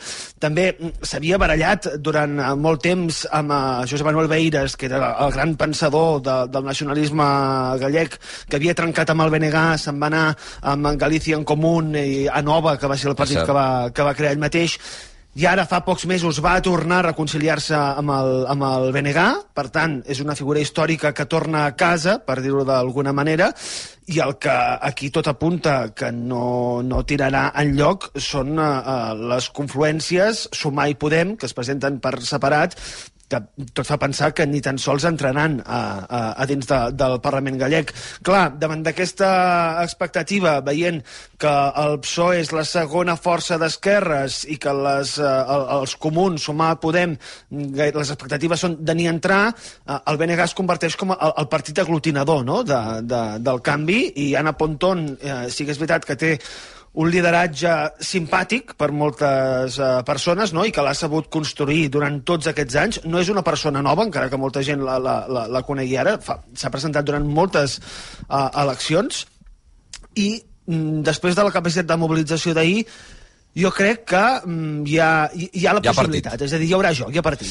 Eh, sobre això només una pregunta més, Adrià, del tema de, de la, del míting d'ahir, que deies que hi havia tanta gent. Mm, ajuda'm amb els perfils, o sigui, el que vas veure, perquè he vist alguna fotografia i, i he vist molta gent jove. Eh, és, és això? És totalment això. És a dir, hi havia moltíssima gent jove, molt polititzada. Jo crec que la, la, la mitjana d'edat hauria estar entre els 35-40 anys. Déu-n'hi-do, eh? Però hi havia gent de, de 18 a 25, moltíssima també, i també hi havia gent gran. Però la majoria de, de, de gent, el perfil, era això, entre els 30 35 anys, és a dir, eh, les noves generacions que van, eh, que van pujant i que van creixent, que estan polititzades i que es polititzen cap a la banda del nacionalisme gallec. Eh, normalment en aquests mítings, eh, i l'Arnau segurament des de la banda del, del PP ho podrà confirmar, o jo mateix als mítings que he anat de, del PSOE eh, aquí a Galícia, la mitjana d'edat era molt més gran, ja se, situa, ja se situava als 55 anys, eh, tirant a 60, per dir d'alguna manera. De fet, el perfil del Partit Popular és completament al revés. És, en general, gent gran. Evidentment, també hi ha gent més jove, però, eh, com a mínim aquí a Galícia, els perfils, el perfil de la gent que veies als mítings, mm, en aquest cas de Feijó i Rueda, però també de, de qualsevol candidat, era gent més aviat gran, sí, sí.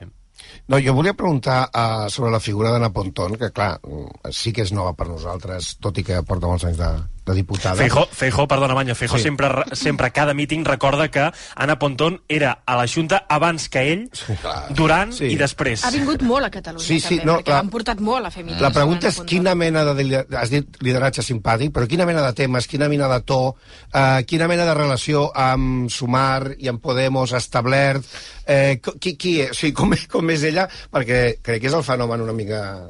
¿En qué lugar se enamoró de ti? Sería como es ella. Y, Bueno, aquí, aquí hi, ha, hi ha diferents coses, és a dir, Anna Pontón no amaga que al final és, és la líder del, del bloc nacionalista, però jo en els mítings que he anat d'ella, per exemple, no l'he sentit parlar d'independència, tot i que mm. molts dels votants són independentistes, de gallecs, diguéssim. Mm. Ella no n'ha parlat, no ha estat un tema que hagi estat eh, un tema de campanya pel BNG. Per tant, ha intentat fer com de casa gran del galleguisme, per dir-ho de- d'alguna manera. La veritat, No? eh? Quins temps! No ens en sortirem, Ai, eh, d'això. quins la base, temps, la la casa base. gran del catalanisme. El bucle, eh? La que... Sí, sí.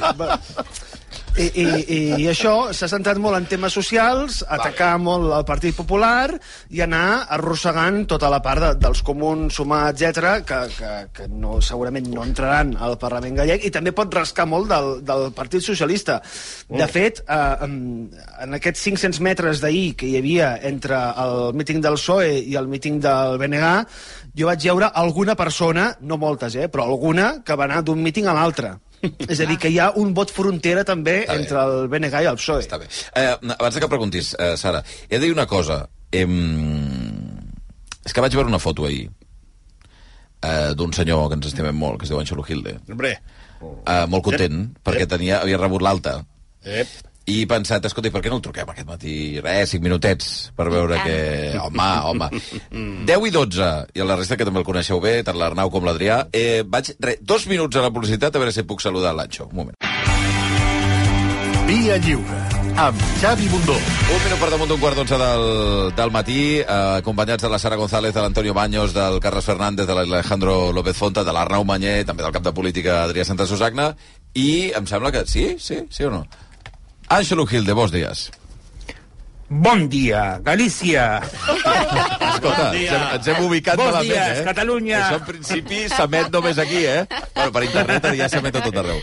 Com estàs, Anxo? Feliu. Feliu? Molt feliu. Fe feliç. Feliu. Feliz. Feliz, Ah. feliç. Sí, sí. Mira, eh, eh, por eso no puedo hablar en catalán, porque lo hablo fatal. así que voy a hablar en Doncs parla en castellà, sí, home, sí. Está, está genial. Aparte me supone un esfuerzo psíquico Sí, en sí, tremendo. O- Deixa't oye, eh, mira, Sara, ¿me confirmas que Bundó está en la diagonal, no? Que no es un holograma ni es un doble. Sí, home, Sí, sí, sí, el podem, el podem tocar. Bueno, pues entonces No me quedo gaire, eh, tampoc. porque- y me quedo con esto y la cuña que la vas a estar en vals, Ui, me- espera, espera, espera que m'he- que em- s'ha- mig tallat, Anxo. Eh, Torna'm a dir això, que no he entès. No, que, que, que con lo que dice Sara y con la cuña de que mañana vas a estar en Vals, Ah, me quedo sí. muy tranquilo. A Valls, efectivament. Porque, porque, porque en, mira, son las primeras elecciones en Galicia de verdad, o sea, elecciones en el sentido que está el poder en juego, en 15 años. Fuiste tú allí y se acabó todo, tío, en el 2009. És veritat, eh? és on ens vam conèixer amb l'Anxo i en principi eh, s'hi anava a veure si es reeditava el govern socialista amb el BNG i se'n va anar a l'aigua aquell govern. és veritat, és Sí, sí, y, está, y, y, y, y- fueron las únicas elecciones gallegas a las que fuiste. Sí, sí, sí, sí. és així, quan va canviar el riu de, de, sí, de, de, de direcció, diguem-ne. Escolta, uh, Anxo... Oye, lo... Digues, digues. Hmm. No, que, que para mí lo que más... He, he seguido la campaña así de una forma... Casi no lo he seguido, ¿eh? pero, pero he llegado a una conclusión muy inquietante. ¿eh? Yo creo que, y creo que es, que es bastante clave, ¿eh? yo creo que Feijó se ha hecho el bloque en, en- en Génova, pero él no lo sabe. Apa. Porque mira, claro, es que, es que, oye, a ver, Feijó nunca fue un, un orador extraordinario, ni, pero en, en las campañas era una máquina, no cometía un error. En cambio, desde julio és es el gran especialista en sabotear las campañas del Partido Popular. És curiós, ¿no? és curiós, això, és curiós. Entonces, sí, entonces estuve, estuve pensando explicaciones y oye, igual en Madrid le dio el punto así de la morriña, el, el no sé, el BNG. Y, y Perquè el entonces- el BNG sí que és especialista en, en sabotejar campanyes a l'últim minut, o què? Ostras, eh, bueno, el BNG y todos los demás son, son una, ban- una banda de, de cenizos hasta, hasta que salió, hasta, hasta que apareció Ana Pontón. Ja, ja, ja, ja. Bueno, escolta, demà, demà et vull aquí i et preguntaré un parell de coses sobre Anna Pontón perquè per, uh, per, per entendre qui és el personatge, eh? però eh, ara que estem... Tu que toques molt els números i crec i em consta que tens molta enquesta i tens molt número i calcules no, molt i saps... Le- leyenda. Sí, leyenda. bueno, i... ai, ai, ai, ai. Si hablaran les parets... Bueno, eh, les províncies, sap quin vot són importants, etc. Anxo, des del teu punt de vista, com a analista, eh, purament numèric, purament matemàtic, a tu et sembla que és a prop que realment aquesta possibilitat que el PP mm, es quedés amb 37 diputats i per tant perdés la majoria absoluta és possible? Hi ha partit o no? Sí, sí que, sí que ya, pero... Sí que ya en- sí que hay. Sí, pero mira, a- ayer me llamó un amigo mío consejero, que, que, que, que- que tengo bastantes amigos en la Junta del PP, no te creas, ¿eh? En Génova sí que lo tengo más complicado. Y entonces, en- para preguntarme esto, y entonces le dije... eh, eh, es dificilísimo, pero no imposible. Y me dijo, hombre, y para esto llamo al experto. Esto ya lo sabía yo. Y le dije, bueno, pues, pues, pues lo siento por ti, macho, pero... y entonces luego me esforcé en hacerle algo más avanzado, pero, pero bueno, eh, eh, como experto seguramente estoy sobrevalorado. A ver, en Xavi, en... El simple hecho de que, de que, de que a estas alturas en, eh, se, le, se le atribuyen opciones al, al, al BNG eh, es algo de, ciencia ficción. ¿eh?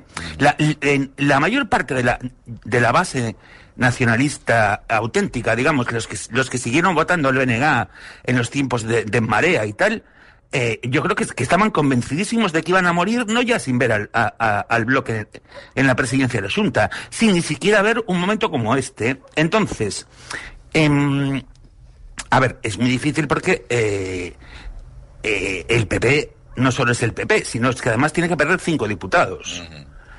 y además, y, y- y luego está la cuestión, bueno, luego está la cuestión de Ourense, que eso necesitaría un programa especial y no... Y, Y no además dijiste... Sí, sí. No, además has dicho que eso no me das cinco minutos, yo necesitaba ci- 500. No, no pots, Pero no bueno, pots. Bueno, Anxo. y, y a, ver, a- a ver, tiene que perder Piano, cinco diputados. piano, eh, amigo Ancho. El PP tiene que perder cinco diputados. Tiene, Sí, tiene 42, ¿no? Vale. Sí, correcto. En, en, en Ourense, si lo pierde, se lo va a quitar el Jacome, el alcalde en, que, va pactar- que va a pactar con él. Ah, sí, Jacome, Entonces, perdoneu, eso- que, que per la gent que potser no ha seguit tant la campanya, Jacome és aquest personatge una mica estrambòtic que ha aparegut... Ranger, no? Una mica. Se viste de una Power- mica. se que viste es de disfressa Power Ranger, De i- Power sí, Ranger. Sí, i, que, I que en principi ara no té cap participació dins del, dins de la, dins del govern, de, no, ni al govern ni al Parlament gallec, però que s'ha mm, plantejat que potser entra. Les enquestes no li donen en principi un diputat, no? Però, 0-1 sempre, 0-1, sempre no? ronda 0-1 en alguns casos, sí. Sí. Bueno, yo, yo- yo, yo que nunca veo encuestas secretas, eh, como tú sabes, no tengo ni idea, pero pero pero pero pero pero, pero si las viese igual te decía lo contrario. Val, todos o sigui, modos- perdona, Anxo, llavors, o, uh, Ourense, si la, uh, la perd el PP, aquesta, aquesta, aquest diputat, li, cauria a Jacome, que és aquest Sí, més sí. estrambòtic. En, en- en caso de perder el PP, yo creo que sí. sí, sí. En- el, el partido de Jacome se llama Democracia Orensana. Hay, a- en- hu- hubo algunas encuestas publicadas que daban en, en que el PP se mantenía y entraba Jacome. En que eso ya sería tremendo, pero entre- eh, para el PP tremendamente positivo y desastroso para la oposición. Pero bueno, en, en, en- todo caso, lo de Ourense, como Jacome, en lo que he hecho siempre al final es pactar con el PP, en, digamos que afectaría a la confortabilidad en el poder, porque claro, gobernar con, dependiendo de Jacome, eso es el, show total, pero, pero no, estaría en juego el poder en sí mismo. En, para que el PP pierda el poder, entonces tiene que perder cinco diputados y la única manera son dos en La Coruña, uno en Lugo y dos en Pontevedra. En, porque eh, en, en Lugo solo hay 14, luego en Coruña hay 25 y en Pontevedra hay 22. Eh, en, pues, en- claro, son... eh, És una barbaritat, en eh? Perder, eh, sí, es una barbaridad. Pero bueno, en la vez que cayó en, en, en 2005 perdió cuatro de golpe. ¿eh? Y, y fueron, en, entonces, eh, Ourense era intocable. Es que en Ourense, en, eh, en, en 1936, eh, no ganó el Frente Popular, ganó la derecha. ¿eh? O sea, quiero decir, y en Lugo ganó el centro. Y en Galicia to- en, entera, en, en ganó el Frente Popular porque, ganó en La Coruña y Pontevedra. Quiero decir que la geografía electoral gallega es de granito. ¿eh? Per tant, des del teu punt de ¿no? vista, Anxo, eh, llavors, és possible que hi hagi eh, partit? Sí. Difícil Sí, sí, sí. o molt difícil ho és. És així, no?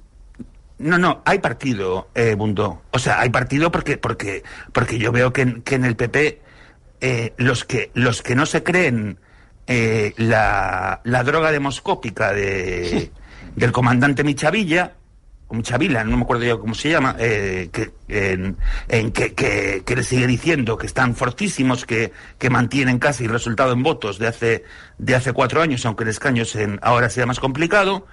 Eh, los demás tienen muchos nervios, ¿eh? En- en- y, y- y yo creo que Alfonso Arboda tiene miedo. Y, y lo que me llega es que Ana Pontón está muy convencida de que, eh, de que lo puede conseguir. Y, Ana Pontón siempre fue bastante en, en bastante realista. De todas formas, te, te tengo que, que- que avisar de una cosa, ¿eh? Muy importante. Eh, oye, pues que el domingo que viene igual, en, no, o sea, mañana no, el siguiente. Sí. igual me debías, va, a lo mejor incorporar, no te queda otra que incorporarme a la tertulia aunque no quieras. Per què? Què passarà el diumenge de l'altra setmana? No, pues que a lo mejor es la víspera de, de un recuento decisivo en el exterior. Oi, oi, oi, no comencem així, eh?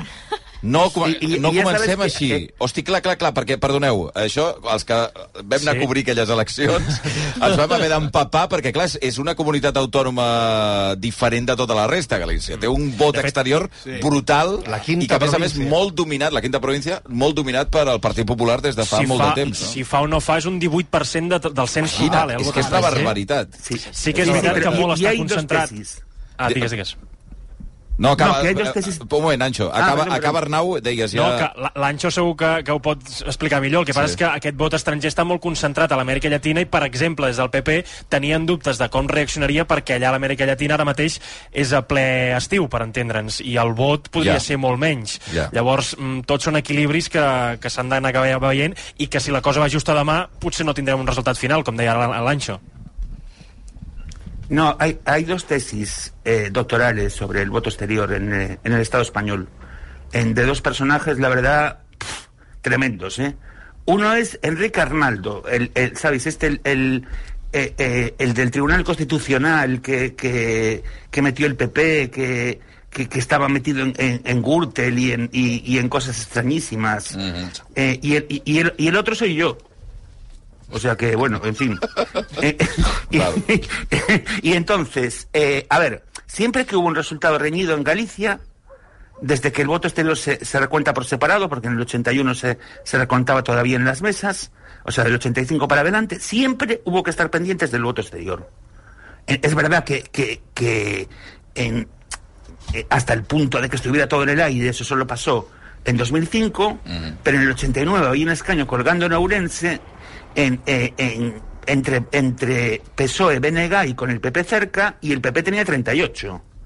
En 1985 en, eh, el PP en- estaba dos de la mayoría absoluta e intentó en quedarse a uno en quitándole uno al PSG en Pontevedra. Después, en 2009, en Xavi, ¿te acuerdas que cuando, cuando fue el cambio en- de... eh, el cambio este que al que tú contribuiste tanto, en, creo que, que, Feijóo tiene una foto contigo. En No, no és veritat. No el vaig, no, mira, va ser l'únic líder, em sembla que no vaig poder entrevistar Feijo aquella campanya electoral, però sí, sí. Com pot ser? Bueno, pues entonces tiene una foto tuya, sin, sin él. Val, d'acord, un, un retrato firmado, Sí, mira. sí, sí, sí. En, en el 2009 él sacó 39 en la noche electoral y, y de hecho está, eh, en, en la noche electoral eh, en, que, que le pasó eso tan simpático que llamó a su padre para decirle en que había ganado las elecciones y, y el padre le dijo pues el Depor también ganó hoy. qué, gran, qué gran moment. Qué gran moment. Y entonces, bueno, en, en la obsesión de en la obsesión de Feijóo era, era tener un colchón. Claro. Porque, porque sabía que, que, que- Y entonces lo consiguió. Llegó a 39 y pudo perder uno en Ourense sin que pasase nada. Sí, sí, y en. Lugo, que, que era el otro que era el otro sitio donde el PSOE le- mm, ah, en- eh, no le llegó. Entonces, en, a ver, en- eh, ahora hay mucho menos voto que antes. En, porque antes, claro, se robaba. Aquí hubo el voto rogado, pero es que hubo el voto robado. ¿eh? Directamente, sí, Eh, sí, sí, sí, eh, sí. Llegó a haber 100 105.000 votos en votos llegados del extranjero. Que la gente dice, 105.000 gallegos votaron. Mentira, nunca votaron 105.000 gallegos. Llegaron 105.000 votos, que Mm. Que no que tiene nada molt que ver, diferent, ¿no? que és molt diferent. Sí, ahora parece que, Mm. que no hay, eh, por lo que se ve en las generales, que no hay fraude, que el resultado se parece más al interior. Lo que ha dicho Andreu en- de, de las vacaciones eh, es verdad. Lo que pasa es que el, el- el agosto argentino es enero, más bien, ¿no? En, pero, y el, el 50, por- el 50 51, 52% del, del censo gallego se concentra en Brasil, Argentina y Uruguay. Porque Mm. lo, de- lo del gallego en la luna es mentira, ¿eh? No sé quién se lo inventó. pero- No, lo del gallego en la luna es que nosotros estamos en todas partes. Pues hay en, eh, eh, hay más países con catalanes que gallegos. Això sí, això sí. Escolta, Anxo, ho hem de deixar aquí. Demà et torno a trucar. Eh, M'alegro molt de sentir-te així de bé. Eh, moltíssimes gràcies per aquesta estoneta i, i demà hi tornem. No, per- perdona que tenía mucha hambre de micro, Xavi. Ja, ja, s'ha s'ha notat, s'ha notat. Una abraçada, que Oye, vagi un, molt bé. un, un abrazo al Carles, al Ah, Mario. per cert, per cert, una cosa, una cosa més, Anxo. Que, Ah, ah, y a Sara, ¿eh? A, Sí. Sa- a Sa- a- Ara te me n'oblides, eh? Sí, sí. a- a- a- a- a Sara, a Sara en 75 abrazos, tantos Oh, como, hombre. como diputados hay en el Parlamento de Galicia. Una, una cosa, Anxo, per acabar, perquè eh, quan li hem dit eh, com estàs i em diu Feliu, sí, en una frase molt bonica, que és feliç, però em diuen per la redacció, potser ha fet una mena de barreja, la Molins em diu, entre feliç i Juliu, eh, no? I és l'alegria i la felicitat tot barrejada, Feliu. Podríem incorporar-ho. És una bonica barreja. Sí, sí, sí. Anxo, una, una abraçada, que vagi molt una bé. demostración Sí. de que de que Anxo habla la lengua cervantina y déjate y, de- y déjate y, y- y déjate de tonterías. Una abraçada, Anxo. que ho fas molt bé. Un Adéu, petó guapo. que vagi bé. Abrazos. Dos, chao. dos quarts d'onze del matí. Eh, Manyer i, i Adrià. Bueno, geni figura, ja ho sabem. Un gust sempre escoltar sempre sentir-lo. Eh, voleu afegir alguna cosa més? No, jo sí que voldria afegir una, una notícia que coneixíem ahir, que és sorprenent i també crec que és sintomàtica de com funciona a vegades la Junta de Galícia, um, que és que ahir justament ahir, a poques hores perquè s'acabés la campanya i a poques hores perquè s'anés a votar aquí a Galícia, la Junta va enviar uns missatges, Ah, uns sí, sí, sí. SMS Oi, sí, a milers sí, és de treballadors bo, públics, treballadors sanitaris en particular, uh, confirmant-los una millora de salaris uh, que s'havia aprovat fa brillant. 10 mesos. És que- És una, una aprovació Molt que s'havia així tirat endavant fa 10 mesos. És veritat que s'aplicarà a partir d'aquesta nòmina, però en comptes d'esperar a que els treballadors mm, sanitaris, en aquest cas, ho veiessin a la nòmina, curiosament o no, es va enviar aquest missatge uh, just ahir. I ningú ho ha portat a la Junta Electoral? sí, molt... ho ha portat sumar, ho ha Ah, portat sumar i ho ha portat a la Junta de- Electoral. és de traca. Sou molt mal pensats perquè les nòmines es gestionen el dia 15 de mes. Mm. Clar. Sí, les nòmines sí, però podrien haver enviat la nòmina sense, sense el missatge. Sí, no? una cosa, No, no. I a més hi havia un altre, un altre anunci també. Que... Sí, no, hi havia unes, unes ajudes als marisquers que justament Exacte. es van començar a pagar ahir, sí. Correcte. Uh, que portaven unes setmanes aprovades, però es van començar a pagar ahir. Bueno, Són coses, això ho han calcular après del perfectament. Sánchez, eh? Casualitat, això. I tu pots calcular perfectament quan vols que es paguin aquestes ajudes. Per tant, Mm. que siguin en plena campanya, Sí, els sí. hi va perfecte. Això, això és de primer de governant, eh? Ara tampoc no ens posem Però una cosa, no hi ha un... que tothom perdona. que ha governat, Carles, però ha fet. no eh? hi ha un límit, no hi ha un límit eh, per inaugurar coses aproximades. Totalment. Sí. I ara la Junta Electoral Pues li donarà la, hauria la d'haver-hi. raó a l'oposició. Hauria d'haver-hi un límit en Sí. augments de costos o d'anuncis, Sí, d'ajudes, sí, de no però sé sí, què. No, no la- d'anuncis, la eh, Junta de confirmacions Però sí és d'ajudes. probable que la Junta Electoral li doni la raó als partits que, Escolta, que que, no però estan ja està governant. fet. Però Vosaltres ja estarà que sabeu, fet. si ja perd el, fet. el PP la majoria el dilluns a Gènova, que a Gènova havíem de... Què, què, què passarà? El cuchillo Clar. Bueno, Dilluns, Arnau, dilluns Arnau, no digues. crec que passi res, no crec que passi res dilluns. En tot cas, dimarts sí que hi ha reunió del comitè uh, de direcció, no sé si començaran a, a, a, tremolar, a tremolar algunes cadires. Jo, sincerament, si m'ho pregunteu, no crec que hi hagi cap gran crisi dins el Partit Jo Popular. Hi ha europees. Ah, ara. Ara. Mm, també és difícil de, de preveure tot això. Bueno, també s'haurà d'esperar diumenge que arribin a les saques de, de vots. Exacte, sí. De vots. Sí, però fixeu-vos com, com, Sud-amèrica. com, com es veu des de... de um, si vosaltres que esteu allà. O sigui, de nou Sánchez fa de ser perdedor i a, i a Galícia Ah, de ser molt perdedor, Sí. perquè aspira a ser tercer, i tercer, diguem, molt tercer. Mm. Tercer que és últim, també. Sí, exacte. Bé, Sí, sí. bé pot, potser n'hi ha algun... Aquest, el, potser el Power Ranger... Potser, De- potser el Power. Ranger entre un, no? I potser sumar entre un, però val, d'acord, t'ho compro. De ser l'últim, uh, la gran virtut. Ah, va, sí, sí. I ho converteix en la gran virtut i ho converteix en ser guanyador. Saben I molt. converteix en Aquest ser PSOE guanyador, en ser guanyador pegada, que l'adversària sigui presidenta. Sí. I, per Sí, tant, sí. converteix en perdedor a qui guanyarà les eleccions d'una manera absolutament Però clara. perquè- Però perquè serà clau, Perquè també- seria clar. clau per governar. No, i llavors. perquè també s'ha de fer una altra lectura. Eh, L'adversària que pot guanyar a Galícia és la seva aliada en la majoria que Sí, li va sí, permetre total. la investidura, Sí, no? Jo crec que una de les coses més Va interessants que la seva opció i la seva tal crec és que la a- guanyadora. amb independència de si el PP té majoria absoluta o no, que jo crec que hem de ser prudents perquè té un vot al Partit Popular Sí, molt clar. irredem i molt fidel a, a Galícia i les quatre majories absolutes ho avalen, però crec que l'interessant d'aquest procés és que es trenca el bipartidisme clàssic a Galícia, que l'alternativa ja no és el Partit Socialista, sinó que ho és el BNG, una força nacionalista d'esquerres, que a més a més és l'única força a la qual li ha anat bé la campanya, una campanya que no ha estat estatalitzada i que no ha tingut l'agenda espanyola com sí que l'han tingut les altres candidatures.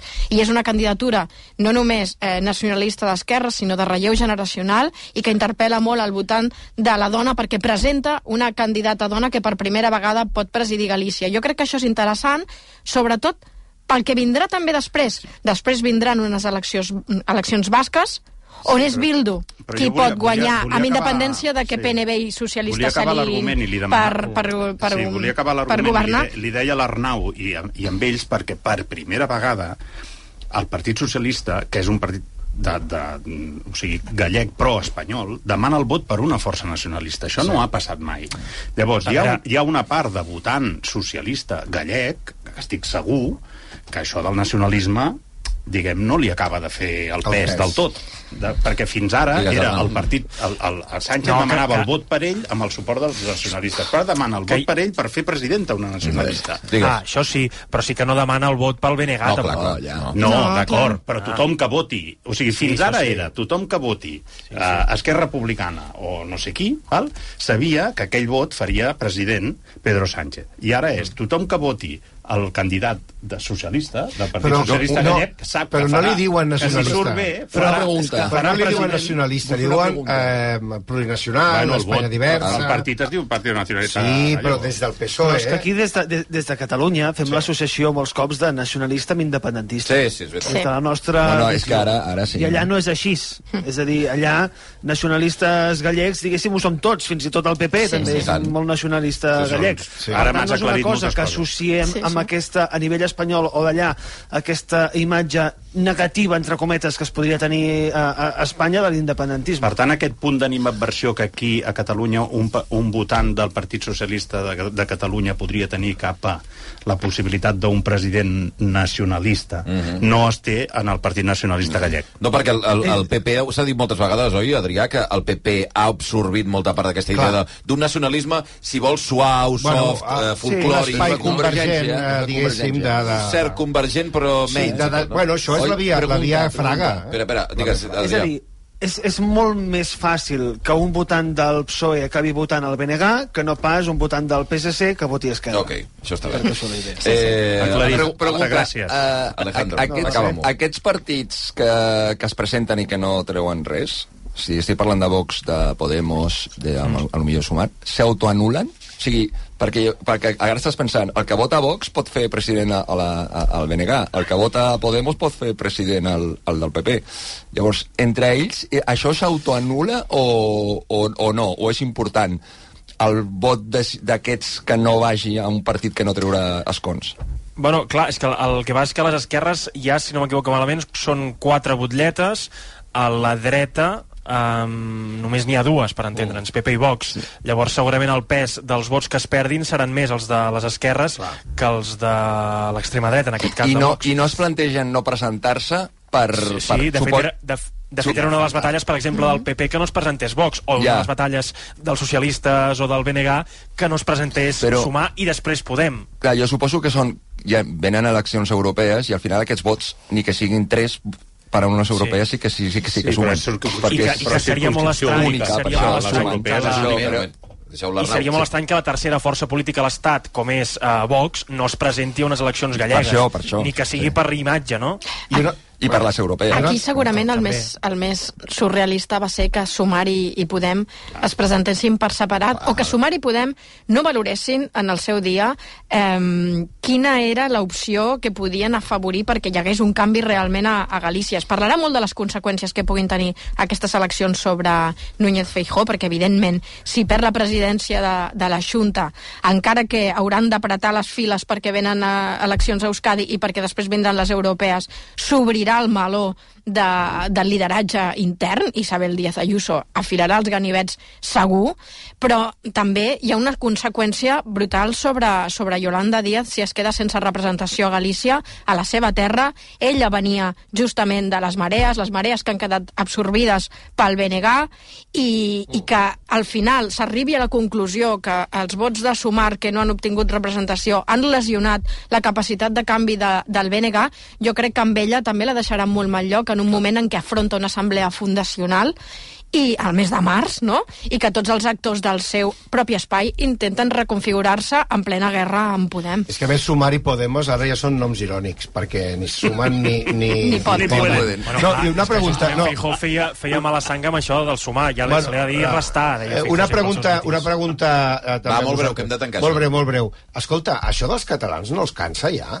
Vull dir, no, eh, o Bueno, dit mira, d'una manera... cansa tu. No, dit, Exacte, això no va dir. Bueno, a mi ja estic... Jo estic... Bueno, jo, jo perquè sóc del morro fort, però... No, dit d'una altra manera, uh, creieu que té rendibilitat encara uh, el tema Oye, amnistia... Mira, tu no saps el, el dit que diu que hablen de uno aunque sea mal? Sí, sí, ja sí, està, però vull dir, uh, realment Sí, això encara, encara Mira, electoralment... Màrius, tu- T'ho diré molt clar. Um, just abans de les eleccions de la campanya, perdó, just abans de la campanya de les gallegues, parlàvem amb Alfonso Rueda. I ell ens deia directament, um, si parlem de temes gallecs, no tindrem rival. Clar, Clar. clar, quan arribes als primers dies de campanya i veus que pràcticament tot el missatge va dirigit a Catalunya, a l'independentisme i a Pedro Sánchez, eh, home, sorprèn. Sorprèn perquè havíem parlat amb Alfonso Rueda i companyia um, que el missatge no havia de ser aquest. Llavors, um, jo crec que no els hi surt a compte. Més que res, cal veure-ho els últims dies com han virat, com han fet un cop de timó per tornar a parlar s'ha de Galícia. equivocat No. Feijós, s'ha equivocat Feijó i Rueda tenia raó, vols dir. Sí, la campanya la va fer Genova, no? Sí. Bueno, hi va haver un, una estira i arronsa important i mm, continua sent-hi. Bé, eh, 5 minuts i 3 quarts d'onze. Demà us escoltem eh, i estarem atents, evidentment, a les votacions, a tot el que... qualsevol incidència que pugui haver-hi, amb els enviats especials de RACUM, l'Arnau Manyer, que és, el, és corresponsal a Madrid, i amb el cap de política de RACUL, l'Adrià eh, Santa Susagna. Una abraçada a tots dos, que vagi molt bé. Que vagi Que bé, vagi molt salut. bé, una abraçada. D'aquí a 4 minuts seran 3 quarts de 11 del matí. Ara sí que ho deixarem aquí. Per cert, em fa saber un oient que Feliu, Mm? segons el Diccionari Català Valencià Balear, dialectalment seria correcte per dir feliç. Doncs... Però referit a Mallorca. A veure... Eh, bueno. no passa Vàlid, res. La vàlid. llengua és molt gran. A Vàlid. l'Anxo se li Però permet. Se li Vàlid. permet, exacte. Vàlid totalment. És Gràcies clar, a... Sí, senyor. Eh, No, no, ens cansa... eh, Vull dir, és que ens, eh, a veure, el, que el català és una llengua molt complicada, els catalans som gent molt complicada, imagina't. Sí, fins i tot una cosa que ens No és sembla que és és ric. No és complicat. definició és del ric, país. És ric, no és complicat. Sí, sí, ric, Eh, riquíssim. Eh, I ple. Eh, 4 minuts i 3 quarts d'onze. Sara González, però, Antonio Baños. Carles Fernández, Alejandro López Fonte, que vagi bé. Jo els continuo Bon dia. eh, imaginant fotent-se mariscades. Va, això, això. Sí, Eh, això. de, Han de mentit, seguida, han mentit molt. els execrables i d'aquí res, un minutet, eh, farem ja el butlletí informatiu.